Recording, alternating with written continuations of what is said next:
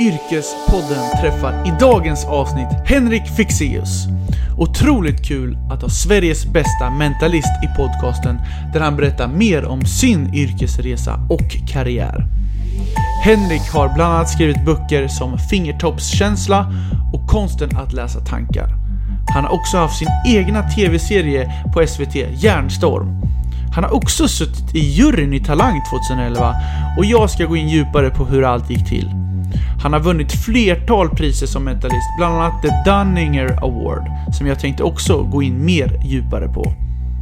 Vad har Henrik haft för uppväxt? Vad gjorde han efter studenten? Och hur blev han så framgångsrik inom sitt yrke? Hur förbereder han sig för stora föreläsningar eller föreställningar? Och hur blir man en bra mentalist? Henrik föreläser också runt om i landet, men även utomlands. Och den stora frågan är, är han ekonomiskt oberoende?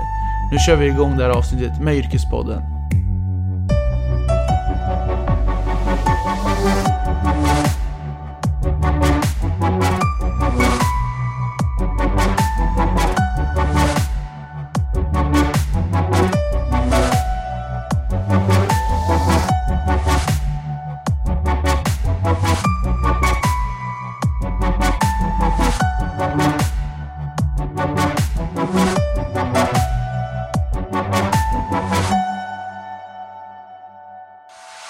Välkommen till Yrkespodden Henrik. Tack så mycket. Hur är läget? Jo men läget är bra tack. Jag är lite mör idag, lite halvhes efter att ha föreläst i några dagar. Men eh, det, det är så det får vara. Du, det, är ju, det var ju semledagen igår. Blev Mm. det någon semla? Nej, men det blev inte det. Jag hann inte med det. Och sen så innan jag kom hit, så på hotellet i morse, så hade de semlor vid frukosten. Ja. Och jag var såhär, där är de! Men man kan inte äta en semla till frukost klockan åtta på morgonen, det går inte. Så fortfarande inte. Jag förstår det. Du, är det fullt upp nu med föreläsningsturné? Den heter ju Din sociala superkraft. Mm. Det är fullt upp nu eller? Ja, men det är det. Eller, eh, ja, det är det. Men, och den turnén fungerar så att jag är ute kanske en vecka, och sen är jag en vecka då jag inte alls är ute. Eh, för att jag har också två böcker som ska bli färdiga nu. Så att jag alternerar skrivandet med att vara ute på den här turnén. Ja, okej. Ja, och hur många städer eh, kommer du vara i nu då? Jag vet inte riktigt hur många det är. Det är väl, det är väl eh, 20 någonting gig totalt. Eh, en del av dem är ju dock i eh, samma städer. I går till exempel så var det ju andra gången i Örebro. Så, eh, så att jag kan inte riktigt svara på det. Men, men eh, nästan 20 då. Mm. Mm. Men du, vi sitter ju faktiskt i Örebro. Ja. Eh, och jag såg ju lite när jag researchade dig, så är du född i Örebro. Stämmer bra det. Vad har du för kopplingar hit då? Nej, men det är ju det som är så skämmigt, att, att jag har ju egentligen inga kopplingar, förutom att jag är född, därför att ett år efter att jag föddes, så flyttade mina, mina föräldrar flyttade och tog med sig mig till, till Kumla. Eh, Och sen bodde jag i Kumla till att jag var sju år, och sen flyttade jag ut till norrförort till Stockholm som heter Vallentuna. Så, och jag får fortfarande, eller nu har de nog gett upp, men ett tag så fick jag, varje år så fick jag sådär inbjudan till någon middag som jag tror Örebro kommun hade, där man ville ha såhär, men alla, alla hemvändare så här, som kommer från Örebro, och jag kände, jag kunde aldrig gå på den här middagen, fast jag, jag var ett år! Jag förstår. Men du, det här är ju en sån här standardfråga som alla i poddar ställer. Då får du också den. Vem är Henrik? Ja, just det. Det beror på... Eh, det är en jätte...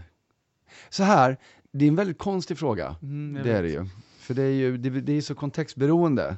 Vem är Henrik? I, ja, i vilken situation då? Liksom? Eller, du, du får, jag kan inte svara på det, du får Om, om, om, om du säger först privata så kan vi ta yrkesliv efter. Ja, nej, men vem är Henrik privat? Så är ju eh, en medelålders trebarnspappa som bor i Stockholm eh, och eh, försöker föra en så meningsfull tillvaro som man kan. Eh, är eh, kanske har lite för lätt för att snöa in på saker, men det är också en av anledningarna till att jag gör det jag gör idag. Att jag har, jag har ju ett väldigt, väldigt stort nördhjärta eh, som bankar för allt som är lite obskyrt och, så här, och då är det väldigt, väldigt lätt att eh, jag har väldigt lätt att ge mig hän saker och så brinner jag för någonting otroligt mycket i ett halvår och sen vill jag inte veta av det igen.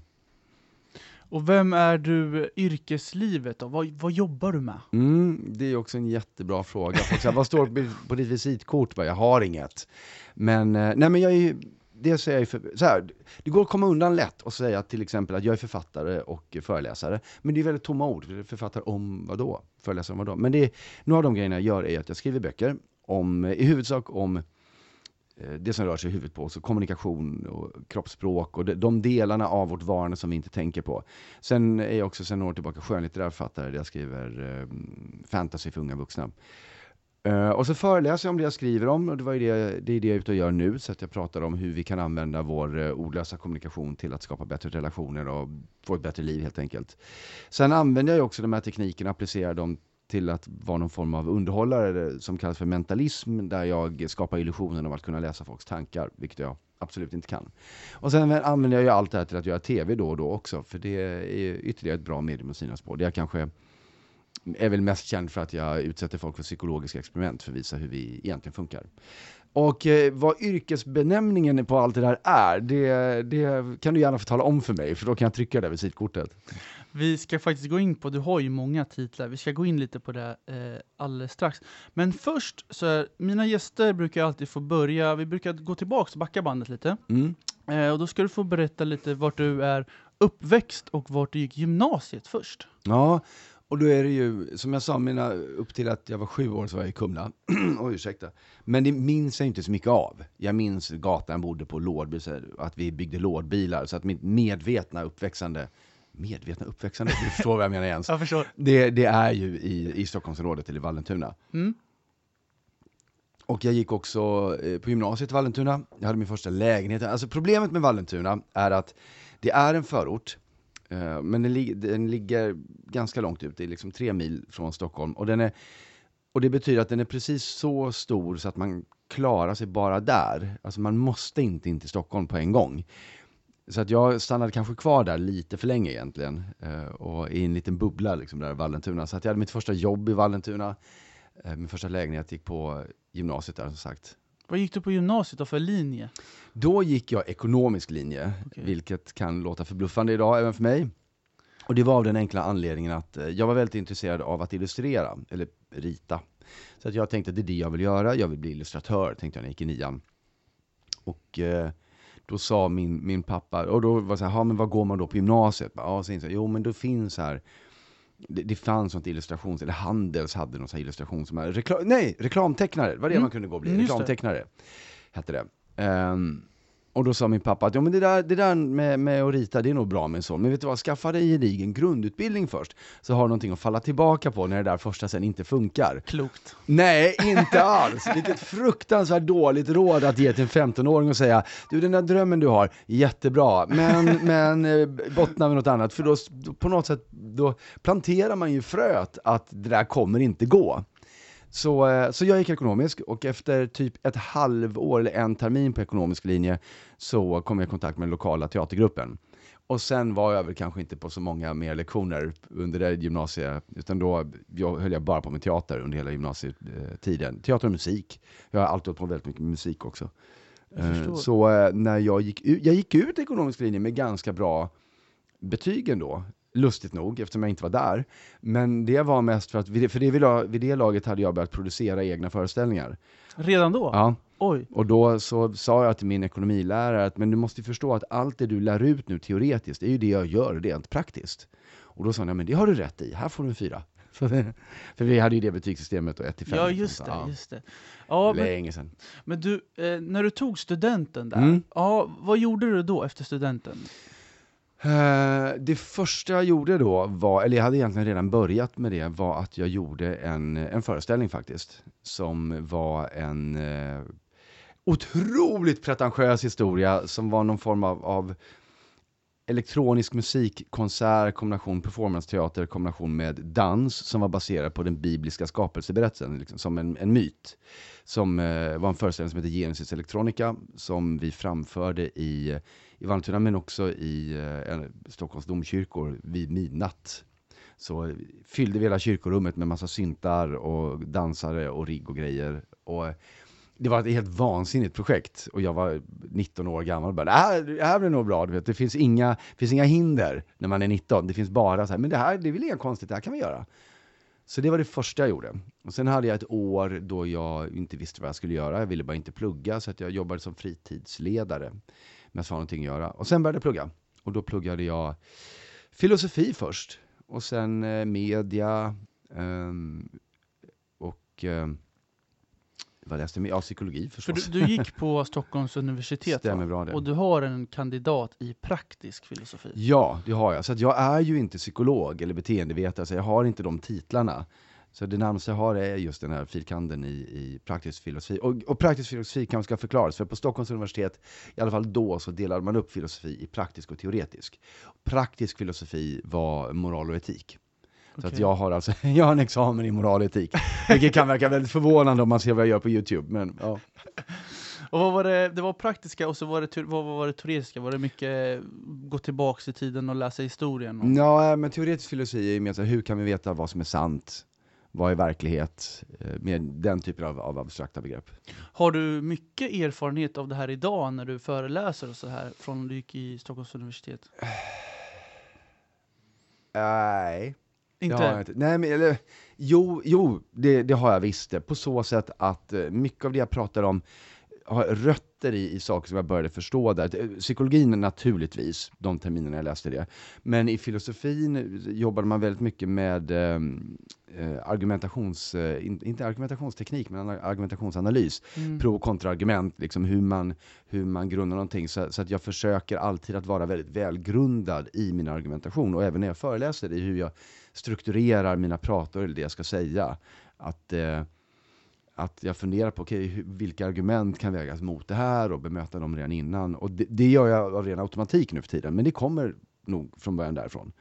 Det, det går ju nästan inte att prata med någon som pluggar argumentationsanalys, därför att Därför att om man säger så här, ah, men du, ska du med mig en kaff- på en kaffe? Då säger de, ah, vad menar du med det? Mm. Kan du definiera begreppet för mig först? Så att, men, eh, och- Krångliga människor. blir, man, man blir väldigt krånglig ett tag, men, men man har mycket, mycket plus för det sen. När du eh, hade tagit examen då, från den här filosofi, praktisk filosofi, vad, vad gjorde då? Vad hände i skallen för dig? Ja, men då var det så att då var, jag började ju med filosofi, Mm. men sen så började jag plugga medievetenskap som sagt, och sen läste jag psykologi. Så att de sista två år, fyra, fem terminerna var ju psykologi. Så att även när, så när examen var klar, då var jag liksom inne på det hållet. Och då hade jag också börjat driva en eh, klubb tillsammans med en kompis i Stockholm, för att igen, musiken har alltid funnits där, så att jag jobbade som DJ. Jaha, Eh, dels på vår egen klubb och sen mycket sen på universitetet. Och så här. För att musikscenen i Stockholm var sån då att, att eh, om man var 18, nu var jag ju inte längre 18 då förstås, men jag var ju 24, 25. Men om man var 18 så fanns det liksom inga ställen att gå ut på. Eh, man fick inte, du kom inte in någonstans om du inte var liksom typ 23. Eh, det var alltid dyra inträden och vi tyckte att det var väldigt tråkigt att det inte fanns någon ställe där man kunde lyssna på bra musik utan att behöva skrika.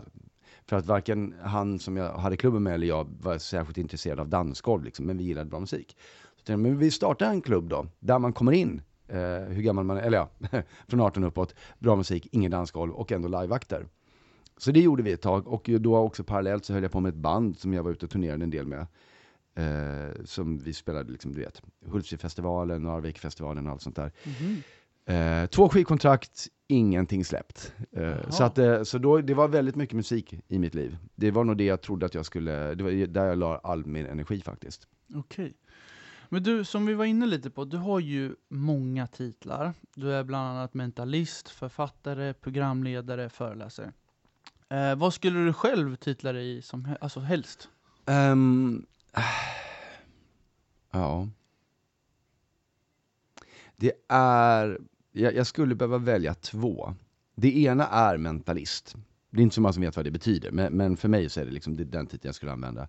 Och det andra är att jag skulle nog då nog säga att jag är eh, expert på ordlös kommunikation. För det, det är en beskrivning som jag har fått och som också stämmer. Jag är, är just nu listad som en av världens främsta experter inom kroppsspråk och eh, kommunikation. Oj. Så då, då, det är ju en titel som man kan använda. Men jag vill inte heller glömma bort att jag har den här underhållningssidan och det är lite två olika, det är två olika saker.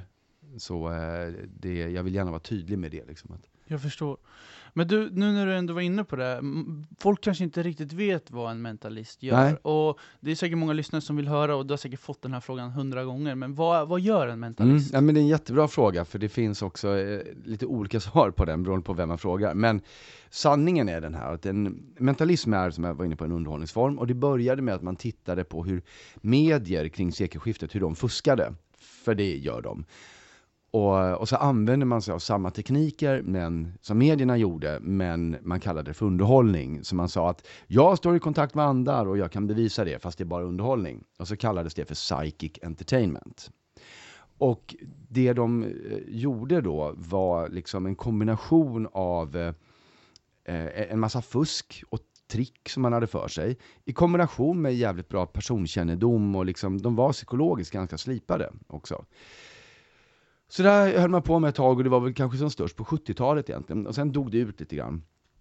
Och sen så för 20 år sedan snart, så eh, knappt 15 år sedan, så var det väl några, och tillsammans med mig, som insåg att en hel del av det medierna höll på med, och det som mentalismen försökte göra, kan man göra utan fusk. Det går att göra med ren psykologi.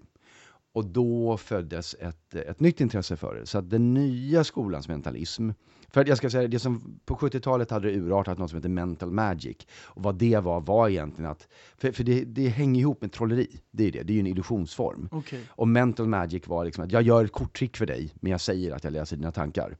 Och sen förvandlas kortet till en duva. Jag vet inte, men så. Det var väldigt så här lökigt och uckigt ESP-symboler. Uh, men, men um, men i takt med att vi har lärt oss mer om hjärnan och hur vi förstår så väcktes tanken om, men, men de här, om vi ändå nu påstår att vi kan läsa tankar, så här, vad kan vi göra på riktigt då? Så den formen av mentalism som jag håller på med är um, en kombination där jag använder mig av min förståelse för mänskligt beteende, de psykologiska tekniker som jag kan, um, och sen blandar jag det med rent fusk som, kom, som kan komma från, det kan komma från trollerivärlden, det kan handla om ren publikhantering, det handlar om att jag befinner mig i ett teaterrum där jag styr varenda variabel. Eh, och jag är också till skillnad då kanske från, från andra eller, eller de tidiga utövarna, så jag är också väldigt ärlig mot min publik om att det ni kommer vara med om nu är Hälften av det är helt på riktigt, hälften av det är jag som blåljuger för er och, eh, och gör någonting annat. Men ni vet inte vilken halva som är vilken. Spännande. Det är spännande därför att det tvingar folk att börja tänka kritiskt. För då måste de, antingen så måste de liksom gå med på allt de ser, eller så kan de inte köpa något av det. Eh, och, och, vissa grejer är ju uppenbarligen så här, ja men det där måste vara på riktigt, fast det går inte att göra på riktigt, det måste vara fusk, fast det kan inte vara fusk. För, ja, så. Och så tar man med sig det mindsetet, tänker jag, även ut, utanför teatern. Och kanske blir lite mer ifrågasättande i sin vardag. Okej. Men du... Eh, det var ett väldigt långt svar. Ja, nej, men det, är ett jätte, det är jättebra svar. Men jag är lite jag är lite nyfiken på, för du pratar ju lite om att det är trolleri i det här. Och jag mm. läste ju på något, på något ställe att du har ju hållit på med trolleri. Eller ja, men, jo, men jag har alltid, ända sedan jag var sju år, haft sådär fascination för trolleri. Och nog trott att jag skulle hålla på med det. Men det var liksom någonting som var jag kan bara göra saker som jag verkligen brinner för. Och jag brann inte för fastän jag tyckte att jag borde. Och sen så när jag blev lite äldre så insåg jag vad det var och det var att jag kom på att jag tyckte att det var fruktansvärt lökigt. Eller jag älskar att titta på det fortfarande, men för, för mig, nu vet så här, ta ett kort och kolla på mig. Mm. Så här, om man ska vara hård så tycker jag att trolleri är egentligen en avancerad form av onani. Ja, men det är så här, kolla på mig när jag gör någonting som inte du kan. Ah, okay. um, mm, jag fattar. Lite så. Och så tycker jag att det är mycket coolare än vad du kommer tycka att det är. Eh, plus att en trolleri kräver ju egentligen inte åskådare. Alltså om jag gör ett korttrick för dig, om jag gör det korttricket hemma framför spegel så ser det exakt likadant ut. Så det, var, det saknades någonting i det. Men i mentalismen så upptäckte jag det som saknades. För att mentalismen handlar ju helt och hållet om interaktionen mellan dig och mig. Det handlar om dina tankar och vad som rör sig i huvudet på dig. Utan dig så kommer jag inte, liksom, och det är det som mentalist kan man inte re repa hemma framför spegeln. För man måste ha andra människor att testa med. Och då blev det intressant. Men när du är mm. inne på det där, hur, hur, hur, när du ska testa som du säger, ja. när du ska praktik innan du går upp och gör föreläsningar, alltså hur, hur går allt det här till? Hur förbereder du allting? Ja, men då har vi, nu sa du föreläsningar, så då pratar vi ja, om två olika saker. Okej, okay, nej, nej, ja. men fortsätt med det, det som du var inne på, ja. hur du praktiskt eh, nej, tränar då, så att säga. Ja, men då är det så att när det gäller mentalismbiten, då eh, enda sättet att träna är att göra. Så då skriver jag kanske en hel föreställning, och så är jag helt övertygad om vilka bitar som kommer gå superbra, vad som kommer vara fantastiskt, och vilka som kanske kommer behöva, eller kommer vara lite mer problematiska. Och sen så repar man i några månader, som om det fanns en publik. Repa alla repliker, ljuscuerna, liksom det tekniska. Och sen när det är någon vecka kvar till premiär, då börjar jag publikrep. Det är första gången då som jag börjar göra de här sakerna med andra människor. Och då upptäcker man plötsligt att jag har väldigt mycket av det där som jag trodde var skulle bli toppen, det funkar inte alls. Men sen är det andra grejer som jag inte hade tänkt på som blir jättebra och då skriver, skrivs hela föreställningen om. Och så har jag kanske sju sådana rep med publik och efter varje sånt rep så ändras saker i showen. Så när det är dags för premiär, då förhoppningsvis funkar det mesta. Men, men eh, ärligt talat så är det så att det börjar inte funka kanske riktigt, riktigt, riktigt superbra förrän efter show 10. Mm -hmm. Därför att det måste slipas hela tiden tillsammans med att jag lär mig mer, vad, hur reagerar folk när jag gör just det här, det här. Eftersom jag gör nya saker hela tiden. Vad gäller föreläsningar däremot, eftersom det var det så, då är det ju så att då har jag väl lite förberedelser. För att jag har ju mitt material, jag vet vad jag ska säga. Och jag har ett mindset som gör att jag eh, jag har inga sådana här, jag vet att det finns föreläsare som har du vet, hela ritualer eller man måste komma en halv dag i förväg och meditera innan man kan föreläsa. Jag gör inte det. Min absolut bästa förberedelse, det är att jag är ute och pratar med folk som ska komma och lyssna på mig eller min arrangör eller någonting. Så att jag, det sista som händer innan jag går upp på scen är att jag har varit i en givande social miljö och haft ett roligt samtal med folk. Och sen går jag bara upp på scen och fortsätter det samtalet. Så eh, konstigare än så är det inte. Men när du har din föreställning, tar du upp mycket folk på scen och sådär så att folk verkligen ska säga ja ah, men nu, jag vill Ja men gud, jag kanske var otydlig med det, absolut. Ja. Det, allting handlar ju Vad om... Vad händer på scenen då? Nej, men, allting bygger på att folk kommer upp på scenen. Ja. Och då, så den enda regeln, det enda som är sant under mina föreställningar, det är att ingenting är uppgjort i förväg. Därför att det är ju den vanliga förklaringen som folk tänker annars, att ah, men det här måste vara riggat. Ja, liksom. precis. Ja. Mm. Eh, så det är det inte. Så att jag kastar ut frisbees i publiken, eller någonting liknande. Fångar man frisbeen så åker man upp på scen. Så enkelt är det. Eh, så att jag har ingen kontroll över vem som kommer upp. Och det gör ju att mitt jobb ibland kan bli betydligt svårare om man får upp någon som är jättebrusad eh, eller alldeles för nervös och så vidare. Men så folk kommer upp på scenen och sen så försöker jag ju då göra saker och ting tillsammans med dem som egentligen inte borde gå att göra. Det kan, ha, det kan vara att eh, lista ut ord som de tänker på eller få dem att begå handlingar som de eh, egentligen inte borde kunna utföra. Att de läser tankarna på någon annan eller kanske få dem att glömma bort saker som de alldeles nyss har utfört på scen. Eh, så att, eh, men att på något sätt manipulera deras mentala processer och eh, verklighetsuppfattning egentligen. Och hur har du lärt dig allt det här? Alltså hur, hur kan du manipulera folk sådär? Det, det här är ju den viktigaste frågan av dem alla. Ja. Har du haft någon förebild som du har kollat på Youtube? Eller har du själv lärt Eller har du gått kurser? Vad händer? Ja, nej men alltså det är en, en kombination av en massa saker. Men i botten så finns ju mitt eget liksom, brinnande intresse för det. Vilket innebär att jag tar ju åt mig liksom som en svamp. Jag suger åt mig av allt. Uh, och då är det dels alltså den, um, om vi tar liksom expertdelen av det först, liksom, den faktamässiga, konkreta delen, så är det ju så att, jag tror misstaget många gör det är att de tänker att om jag går en kurs i psykologi eller jag läser den där boken och då lär jag mig allt. Nej! Du behöver läsa 500 böcker och sen så kanske i var tjugonde bok så kommer du hitta en halv paragraf som du känner att det där var precis vad jag skulle ha. Eh, så det tar tid och man måste ta sig igenom sjukt mycket material för att hitta guldkornen. Och det räcker inte med att bara då leta till exempel i det här fallet inom psykologi, utan det kan lika gärna vara så att du läser en bok om konsthistoria som ger dig liksom en nyckel till någonting. Så att, så att man måste ta, eller jag i alla fall, behöver ta intryck från en mängd olika områden. Ju fler de är, desto bättre. För det informerar ju också varann. Eh, om du har lärt dig någonting om psykologi och sen så vad vet jag, så ser du en, en uh, film, en skräckfilm från 80-talet, bara fitta på någonting, och så inser du, men vänta nu, det där som hände i den här filmen är ju faktiskt en ganska intressant applikation av det där jag läste i den här psykologiboken. Mm. Det tänkte de nog inte på, men du ser kopplingen för du har båda de intrycken. Så det är mycket det, liksom, att connecta olika intryck, få nya idéer, så föds kreativitet. Så det är ju väldigt tidskrävande. Och sen så vad det gäller mentalistbiten så är det ju också så att det finns ju det finns ju material. Folk har ju på med det här i hundra år. Så det finns ju böcker skrivna och så vidare, även om det här är liksom lite hemligt då, lite svårt att få tag på kanske. Uh, och då kan man igen göra misstaget av att liksom, ja, men jag läser den där boken och så gör jag det som står i den.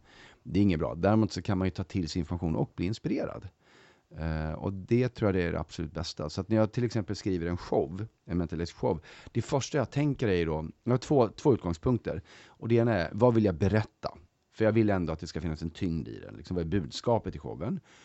Och sen tänker jag, hur kan jag illustrera det på ett helt galet sätt som inte borde gå att göra? Utifrån det sen så konstruerar jag nummer som om de gick att göra. Jag har fortfarande, alltså när vi är i repetition, då är det inte alltid att jag fortfarande har en metod eller vet hur jag ska få det här numret att funka. Så att vi bara repar som om det kommer att funka. Jo, men jag tänker mig att tio personer kommer upp på scenen och sen så gör jag någonting och sen så tror de att de har bytt namn med varandra när de går av scenen. Det är en skitbra illustration på den här poängen. Hur, får vi, hur kan jag göra? Ingen aning. Men det går säkert att lösa på något sätt. Och så börjar jag repa. Eh, och sen under repetitionens gång så hittar jag väl någon form av metod för att göra det där. Då. Men gillar du att ligga på så här living on the edge eller vad man säger? Ja, men jag, jag måste ha det lite så. Eh, och det är också för att, jag, jag brukar säga att jag, jag, jag, jag, verkar som bäst liksom när jag har en kombination av en, eh, förhoppningsvis en väldigt, väldigt bra så här, reality check, som bromsar med tid, men också i kombination då med en total övertro på min egen förmåga. För det gör att jag gör saker som jag kanske annars inte skulle våga. Ett jättebra exempel är 2007 så gjorde jag min första tv-serie. Och då var det så att 2005 fattade jag beslutet om att det här är vad jag ska jobba med. Vi pratar om Järnstorm nu va? Nu pratar vi om Järnstorm, mm, exakt. Mm. Så att jag var ju helt grön. 2005 var det så nej men, eller egentligen 2004 faktiskt, fattade jag beslutet om att nej men jag ska nog bli mentalist, det är det jag vill göra. Så jag satte upp en liten föreställning hösten 2004 som heter Mindstorm och efter den började telefonen gå varm och då tänkte jag, nu kommer företagsgiggen. Men då var det folk som ringde och sa, kan du komma och föreläsa? Jaha, vadå, vill ni veta? Okej, okay, ni vill ha information alltså? Ja, det kan väl göra kanske. Mm. Jag trodde att alla redan visste de här grejerna. Um, ehm, 2005 började jag föreläsa och fattade också beslutet att göra det på heltid, slutade mitt tidigare jobb. Två år senare då, så, eller ett år senare egentligen, så spelade jag in min första tv-serie. Så det gick väldigt, väldigt snabbt. Så jag hade ju ingen erfarenhet, jag visste inte hur man gjorde tv och befinner mig en, en frostig måndagmorgon i en park i Norrköping där vi ska spela in en segment, ett segment som går ut på att jag ska få mammor att glömma bort namnen på bebisarna som de går omkring med sina barnvagnar. Och det har liksom, det där har funnits i manus i, i, i ett halvår, för jag skrev ju manus till den här tv-serien, men det här blir bra. Och nu står jag här, jag vet ingenting om tv, jag vet att jag har plötsligt ett helt kameracrew omkring mig. Vi ska filma det här segmentet idag.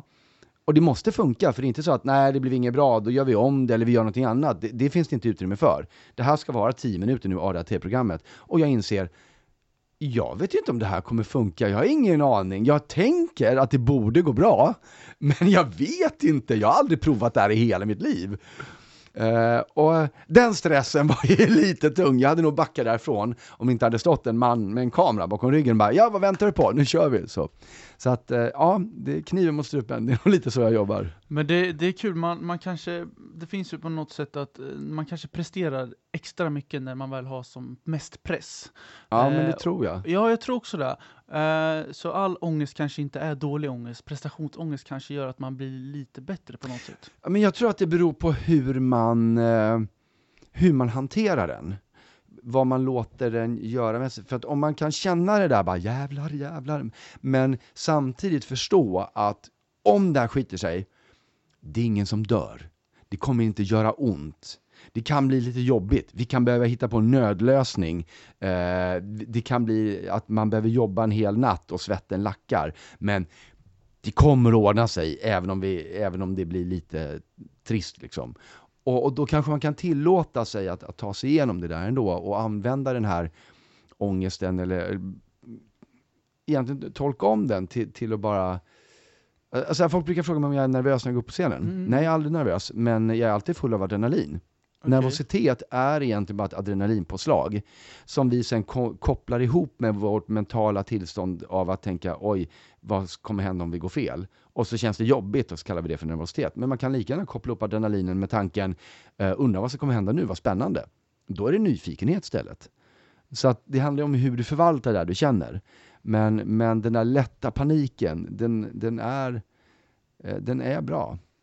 Du, eh, du var ju inne, vi pratade lite om din tv-serie med Järnstorm, mm. och jag tänkte faktiskt fråga dig om allt det här när det här började. Hur kom du i kontakt med SVT när allting med det här? Hur, hur, hur började men, hela alltså, processen? Alltså, det var så här att du måste förstå att, att äh, allt det här som jag hade tagit reda på, dem, för jag var, har ju sedan barnsben också varit väldigt nyfiken på varför vi gör som vi gör med varandra, hur funkar vi? Så att allt jag hållit på med, från filosofin via medierna och psykologin och även inom musiken och teatern, har egentligen handlat om att försöka förstå vad påverkar oss människor, vad styr vårt handlande? Och det var ju det jag skulle omsätta då liksom i den här mentalistbiten. Jag trodde att alla andra redan visste hur det här funkade, hur vi funkade. Men varför jag, trodde du det? Därför att orsaken till att jag blev intresserad av det var för att jag var ganska socialt inkompetent som liten. Jag fattade inte hur man lekte med andra barn. Jag var lite för mycket såhär, nej men vi ska hålla oss efter reglerna, lite kantigt, liksom lite, eh, lite för envis, men ganska socialt oskön. Liksom, vilket innebär att jag lite hamnade utanför och åkte på stryk. Jag så här, och jag ville veta, varför slår de mig? Vad är skillnaden? Vad har de fatt? Vilken jävla bok har mina klasskamrater läst som inte jag fick? Var var jag den dagen den delades ut? Den här manualen i social kompetens. Men jag men förstod det nog inte så medvetet. Men, men någonstans så föddes det där. Liksom. Och, så att jag började ta reda på det för min egen skull. Bara för att hitta ett sätt att liksom funka i, i världen, i den sociala världen. Så, eh, och sen började jag omsätta det där då i, till mentalism. Mm. Men jag trodde ju att alla hade koll på, på grunderna. Liksom. Eh, så att när, när folk då började ringa efter att man hade varit och sett min show, då var jag väldigt förvånad. Det var tv-bolagen som ringde? Nej, nej, nej, inte alls. Utan nej? då var det de här företagen som ringde och sa oh, att, uh, vi, vi var och såg din show, jättekul, vi skulle vilja ha en föreläsning om kroppsspråk. Jag sa, men, men ni vet väl redan? Nej, vi har ingen aning. Va? Jaha, är det fler som inte har koll? Okej. Okay. Uh, och då insåg jag att jag, nu ligger jag i framkant. Så då började jag föreläsa ett tag. Och sen så var det någon som sa att, men uh, alltså du har ju så mycket att berätta, kan du inte skriva om det här i en bok? Nej, jag vet inte. Varför skulle jag skriva en bok? Jo, men då kan du ta med arvode som föreläsare. Ja, det var ju en sjukt dålig anledning att skriva en bok tycker jag. Även om jag sedan dess har förstått att det finns många som ser det som en bra anledning. Men det motiverade inte mig kan jag säga. Men sen stod jag en dag på ICA och skulle handla mjölk och framför mig står en, en eh, singelmamma och också ska köpa liksom så här mjölk, mjölk och kalaspuffar typ. Och tänker så här, men om jag skulle skriva en bok, så skulle jag inte vilja att det blir någon så här tråkig faktabok som ingen läser. Jag skulle vilja att hon som står där vid det pocketstället nu vid kassan och precis ska köpa nya Camilla, Camilla Läckberg. Jag vill att hon ska välja min bok istället. Hur skulle jag kunna förmedla de här sakerna på ett sätt som gör att det blir tillräckligt lättillgängligt och attraktivt för att även hon ska känna att det är en bok jag vill läsa.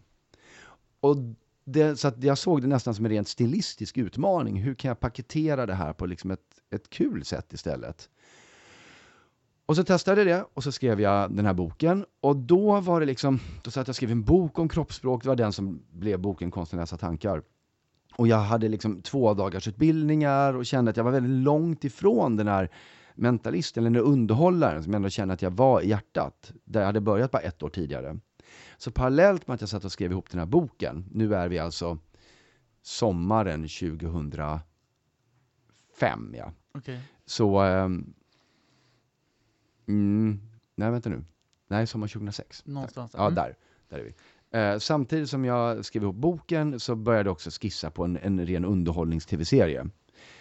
Från eh, ingenstans eller alltså mm. själv? Eller? Ja, ja, absolut. Okay, okay. Bara, bara för att kompensera liksom, att, den här expertrollen, att ta mm. tillbaka underhållningsrollen.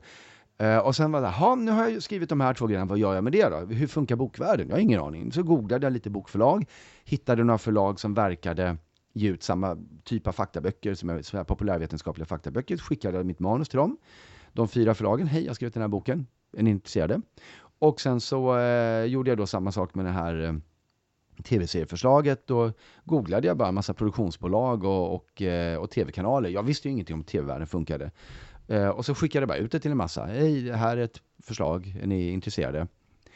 Och eh, på, på vinst och förlust liksom. Och så, så kom två av de här bokförlagen tillbaka och sa att eh, vi vill eh, gärna ge ut boken. Ja, vad kul. Och sen så var det några produktionsbolagen som hörde av sig och sa att eh, vi tycker att tv-serien låter intressant. Och även SVT hörde av sig.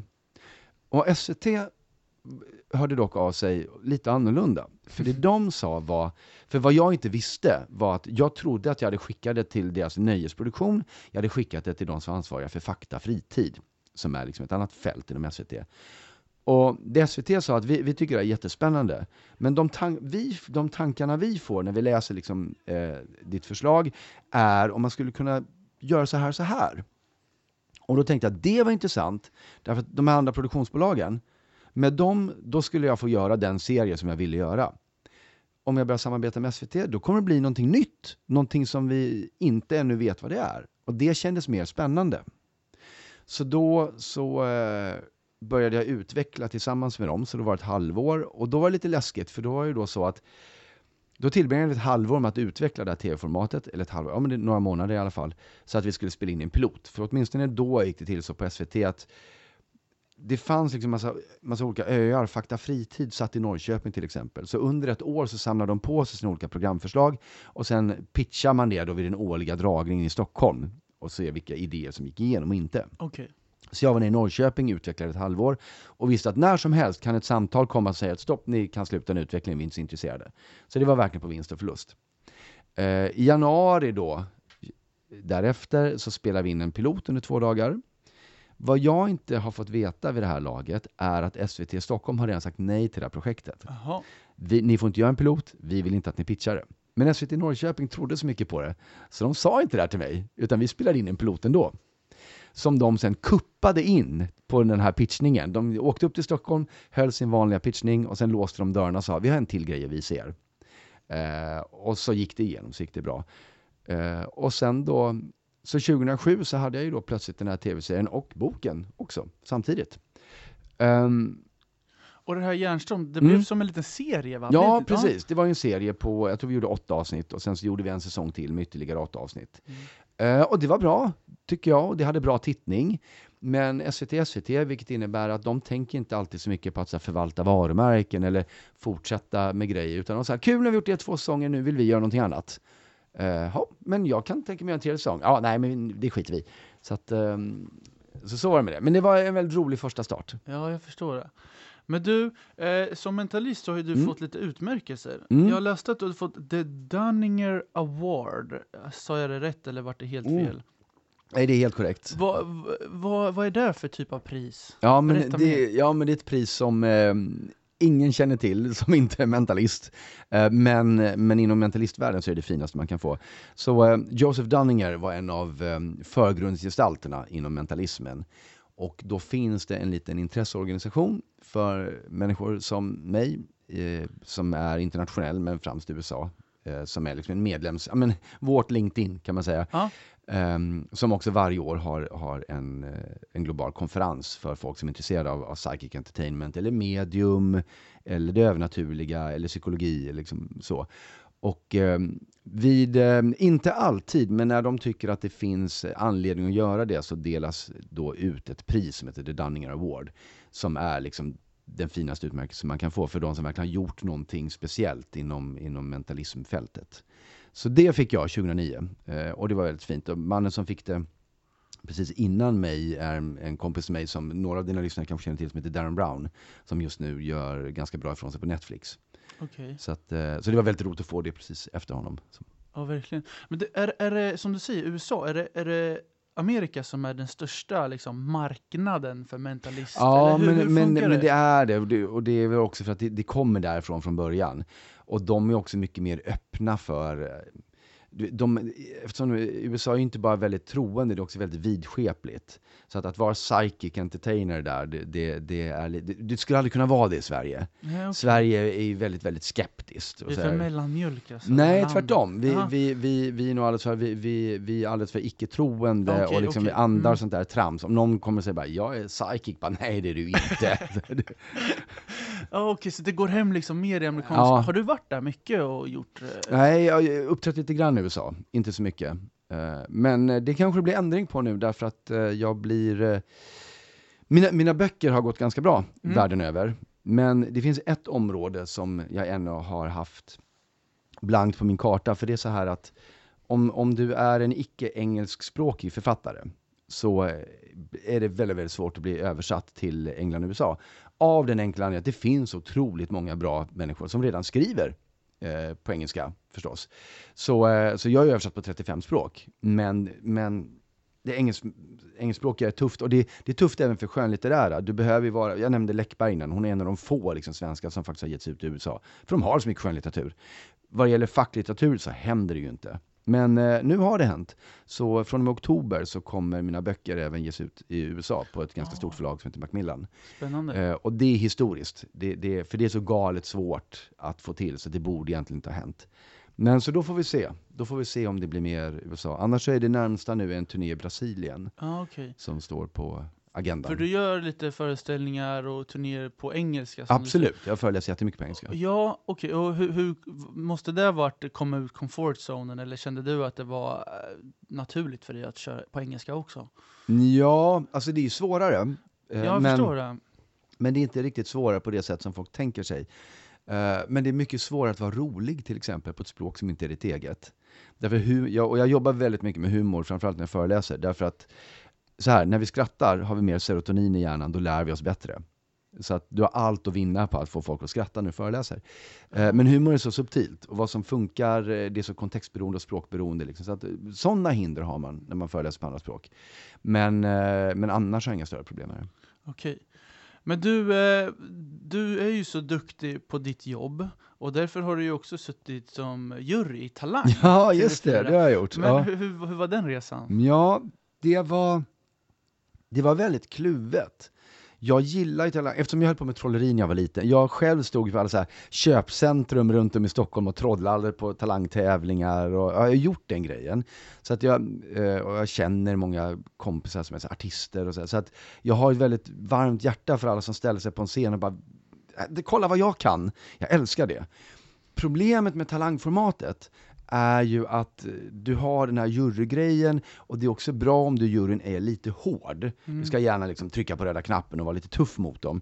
Och jag kunde aldrig vara det, för jag visste ju att den här personen som kommer upp nu på scenen har kanske åkt i 20 mil för att komma hit. Har sen fått vänta i åtta timmar. Ska nu ställa sig på scenen för första gången i sitt liv framför 500 personer. Kan vi då åtminstone inte ge henne eller honom två minuter? Det är väl liksom, allt annat är oförskämt. Så att jag var inte så bra på att vara den där hårda, tuffa talang. eh. Sen, sen kan jag absolut erkänna att alla borde kanske inte ha åkt dit och ställt sig på den här scenen, men Det går ju Talang nu på TV, man ser Ja, jag vet. Men bara det att de gör det, hur, så här, hur kast det än är, för det är det ibland, det kan vara riktigt så här, men du har ingen Ja. verklighetsanknytning överhuvudtaget, så är det ändå så att de gör någonting som 99,9% av Sveriges befolkning aldrig skulle våga göra. Och det är liksom, redan där har de vunnit. Men, eh, och som sagt, och då, då var det svårt att trycka på röda knappen, även om man borde. Men kändes det som en liten ära att få sitta i? Ja, det var det ju. Det var, det var en jätteära naturligtvis. Skulle jag få frågan igen så skulle jag absolut göra det igen, självklart. Eh, samtidigt var det också märkligt, det var ju första gången som jag var liksom, fram tills dess så hade jag alltid gjort egna tv-produktioner, eller liksom där jag hade kontroll. Det här var första gången som jag var ett kugghjul, ett mycket, mycket större maskineri. Eh, med den komplexiteten det innebär. Eh, så den erfarenheten var väldigt intressant. Eh, och inte bara positiv, men, men som sagt, skulle det dyka upp, självklart. Jag förstår. Men du, vi sitter ju i Yrkespodden Ja. här och vad, vad tror du är viktigt om man ska lyckas med sitt yrke? Vad tror du är drivkraften? Alltså hade du frågat mig för, för fem, sex år sedan så hade jag haft ett annat svar på det. Då hade jag sagt att jag tror att det viktigaste, eller jag vet att det viktigaste är att du måste brinna för det du gör. Liksom, finns inte passionen där eller ett genuint intresse så kommer det inte gå så bra. Men jag har nyanserat det där nu. Därför att jag har insett att olika människor har faktiskt olika drivkrafter. Så det handlar lite om vilket värde man premierar i sitt liv. Jag har en väldigt nära vän till exempel som, hans viktigaste värde är trygghet. Det är inte liksom att det ska självförverkligande eller passion eller vad det är. Utan han mår som bäst när han vet att han skapar trygghet för sig och sin familj. Det betyder att han söker jobb, eller till och med tar ett jobb som han vet att det här jobbet är ganska tråkigt. Men det är skitbra betalt och det är extremt stabilt. Eh, och jag får det jag behöver. Så svaret är liksom inte jätteenkelt utan men, vad man, men man kan ta reda på det här själv genom att man kan lista liksom, vilka är mina primära värden. Eh, vad är viktigast för mig? Och försöka liksom grotta i den frågan. Och sen så kan man då titta på dem och så kan man säga det jag gör idag eller det jag vill göra, är det något som uppfyller de värdena? Eller är det inte det? Om det inte är det, då kanske jag behöver tänka om. Det är otroligt spännande, eller det är otroligt intressant att höra det du säger. Och grejen är så här, som du säger, man ska hitta ett yrke som man verkligen trivs med. Och du har ju skrivit böcker, du har gjort föreläsningar, du syns ständigt i media, eh, föreställningar. Var det liksom din, din dröm i början att allting, allt det här skulle hända, eller har det liksom bara glidit på under yrkets gång? Nej, men jag hade nog, alltså redan då när jag fick min första trollerilåda när jag var sju, så jag har alltid varit väldigt extrovert. Så jag tänkte nog att jag liksom skulle stå på scen, det gjorde jag. Du gjorde det alltså? Mm. Ja, men det. Men, men sen var det inte den vägen jag tog. Jag började ju ta vanliga jobb och sånt där för att jag trodde att det var det man skulle göra när man blev stor. Ehm, sen när jag började med det jag gör idag, då drog jag upp en femårsplan. Vad, vad vill jag ha uppnått om fem år? Liksom. Och så tog det bara ett och ett halvt år att uppnå de grejerna. För det var nämligen den där boken och tv-serien och, och eh, föreläsningsgrejerna. Och sen dess har jag faktiskt inte haft en, en sån masterplan, utan det har lite, jag har lite följt med. Jag har försökt några gånger, känt att nej men nu har jag gått några varv liksom i samma, nu är det dags att ta nästa steg. Eh, och vid ett tillfälle så hade jag till och med, jag blockade ut så här fyra månader då jag bara skulle tänka på vad är nästa grej. Jag kom inte på den riktigt. Men jag har märkt att i efterhand kan jag se att jag har faktiskt tagit steg. Till exempel att jag har börjat skriva skönlitterärt. Eh, eller nu jag, har jag ett musikprojekt på gång igen, jag har precis släppt en ny singel på Spotify. Ehm, så eh, jag hittar på liksom små saker hela tiden. Men eh, någon gång ska jag bli så förnuftig att jag drar upp en så här tioårsplan för bara vad, vad är mina major points i framtiden. Men, men eh, jag är inte riktigt där nu. Jag har lite för kul för det. Men du, som du säger, du, du släpper en singel på Spotify, du föreställningar, föreläsningar. Ekonomiskt, Mm. är du ekonomiskt oberoende? Nej, absolut inte.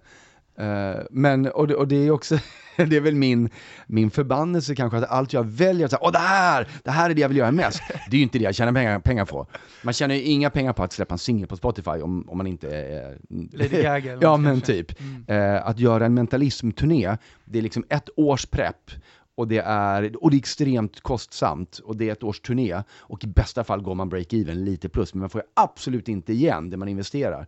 Så att det jag dras mot hela tiden, det är ju det som faktiskt inte genererar så mycket pengar. Men eh, då har jag ju sån tur att mina böcker och mina föreläsningar är väl det som är min, min inkomstgrund. Och eftersom mina böcker nu är spridda i så många olika länder så är det också en form av passiv inkomst. Jag behöver inte göra så mycket, när boken väl är skriven behöver inte jag göra så mycket mer. Så, Då tickar det liksom. då tickar det. Men sen behöver jag skriva en bok till, för det tickar ju inte i evighet naturligtvis. Så eh, nej, jag är inte ekonomiskt oberoende. Men eh, jag skulle säkert kunna tjäna jättemycket mer pengar om jag ville. Men jag tycker inte att det där är så viktigt. Jag har föreläsarkompisar som säger men nu ska jag föreläsa skiten nu med två år. Ska Mm. bara göra det, sen köper jag en takvåning på Manhattan och så är jag ekonomiskt oberoende. Ja, vad kul, gör det. Men du kommer ha wasted två år när du var liksom så här, de bästa två åren i ditt liv kanske, kommer du ha förstört. Och om ett år och två månader kommer du ringa mig och gråta för du har gått in i väggen. Eh, Och det har alltid varit sant. Folk går sönder. Eh, sen så, eh, absolut, jag, jag har haft en chef en gång som sa så här, det viktigaste av allt är ekonomin. Om du får välja mellan ett jobb som är fruktansvärt tråkigt men där du tjänar sjukt mycket pengar, eller ett jobb som är fantastiskt roligt men där du inte tjänar några pengar, så är du skyldig dig själv att välja det första jobbet. Så din chef där? Ja, Okej. jag håller inte med honom. Nej, men jag har nej. förstått att det finns människor som tänker så. Ja. Eh, så att, eh, men nej, jag är inte ekonomiskt oberoende. Men du, eh, vi ska försöka knyta ihop den Ja, här säcken lycka lite till. Nej, det har varit ett, ett jättespännande samtal. Och du, ehm, jag gör ju så här till alla mina gäster, det är att du ska få ge tre avslutande tips Mhm. eh, till en eh, framtida mentalist. Oj, ska vi ta nu, för det här det är ju ändå ditt eh, main fokus ska vi säga. Du får även ge eh, tips på att bli en duktig föreläsare. Vad Mm. skulle du själv vilja, vilja välja, mentalist eller föreläsare? Om du skulle ge tre tips. Um, alltså jag, jag skulle kunna tänka mig att, att det kanske tipsen är lite mer värdefulla för en föreläsare, för det är så sjukt få människor som faktiskt vill bli Det mentalister. sant. Däremot är det otroligt många som vill ställa sig upp och föreläsa. Men efter det här så kanske folk, ja, nu Kanske börjar det. vi googla. Kanske det, ja. Eh, Men vi kör på vi, föreläsning vi då. kan köra båda faktiskt, Vi jag kör- kan kombinera det här. Vi ja. kan köra en eh, mentalist och Ja. två föreläsare. Precis, för mentalisttipset är så här, gör det inte. Eh, och, och, och det är inte för att jag inte vill ha konkurrens, utan det är för att det är, det är no, bland det svåraste du kan göra. Och du kommer behöva vara beredd på att misslyckas eh, upprepade gånger framför tusen betalande personer och wastea deras tid. Eh, det är extremt liksom, utmanande, och är du inte beredd att göra den grejen så, så gör inte det. Jag Eh, men däremot är det väldigt, väldigt många som vill bli föreläsare. Jag får väldigt mycket mail från människor som säger hej, jag vill också börja föreläsa. Vad jag ska jag har göra? också tänkt på att börja Ja. försöka föreläsa. Men och, och hur har du tänkt då? Har du tänkt att det är för att du vill, har någonting du vill berätta eller för att det bara verkar kul? Nej, mer för att berätta kanske dels om podden och min resa och vad jag har gjort. Lite, lite mer om mig själv och så. Berä, Ja. Berätta någonting. För det där är ju väldigt vanligt att folk säger, men jag har gjort den här resan, eller jag har de här erfarenheterna, jag vill ut och berätta om det. Mm. Det första, och det här är då första tipset egentligen. Första tipset, ja, yes. Vad man måste fundera på är, varför är din berättelse relevant för andra? Hela tiden försöka se den utifrån, lägga över den till de andra. För det kanske är så att den faktiskt var jätteviktig för dig, men inte är så viktig för andra människor. Det måste man liksom förstå i så fall. Och det andra tipset handlar om eh, scennärvaro, eller egentligen nervositet som vi var inne på. Ett jättebra mindset att ha för att undvika att vara supernervös, det är att förstå att du behöver inte vara så ärkeproffsig. Det har gjorts väldigt spännande studier där man har haft folk som har fått hålla en presentation och sen folk har hållit samma prestation och fuckat upp lite grann. Och båda har ansetts lika professionella, men de som klantat sig lite var mycket mer likable. För man känner att de är lite som jag. Så om du står på scen och du börjar föreläsa och du får andnöd, kom ihåg att de i publiken är dina vänner och berätta vad som händer i ditt huvud. Får du blackout, säg det. Vet du vad? Jag har ingen aning om vad som kommer hända just nu, eller vad jag ska säga. Jag måste gå och kolla mitt manus. För vi gillar de som gör det. Dessutom visar det också att du fortfarande har kontroll över situationen. Och så länge du har kontroll, då, då tillåter vi dig vad som helst. Och det tredje, eh, egentligen så här liten praktisk bara, men när man börjar föreläsa, just för den här nervositeten, använd andningstekniker. Eh, för vad som händer när du blir nervös är att adrenalin och kortisol börjar rusa i kroppen. Kortisol är stresshormon. Det finns ett enkelt sätt att dämpa de biologiska stressnivåerna och det är att använda andningscykler som är att man tvingar sin andning in i en regelbundenhet. Det jag brukar göra är att jag andas in medan jag räknat fyra, håller andan medan jag räknat fyra, andas ut under fyra, håller fyra. Man gör det den cykeln några gånger, en halv minut, så kommer du tvinga ner liksom alla de här hormonerna som vill bråka med dig när du ska upp på scenen och du kan ha ett mycket lugnare framförande. Nu fick vi superbra tips av, av Henrik. Du, eh, tusen tack att du var med i Yrkespodden. Tack för att du kom hit.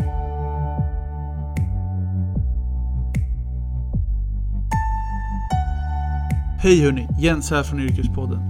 Hoppas ni tycker om podcasten och se till att prenumerera på Yrkespodden i din poddapp.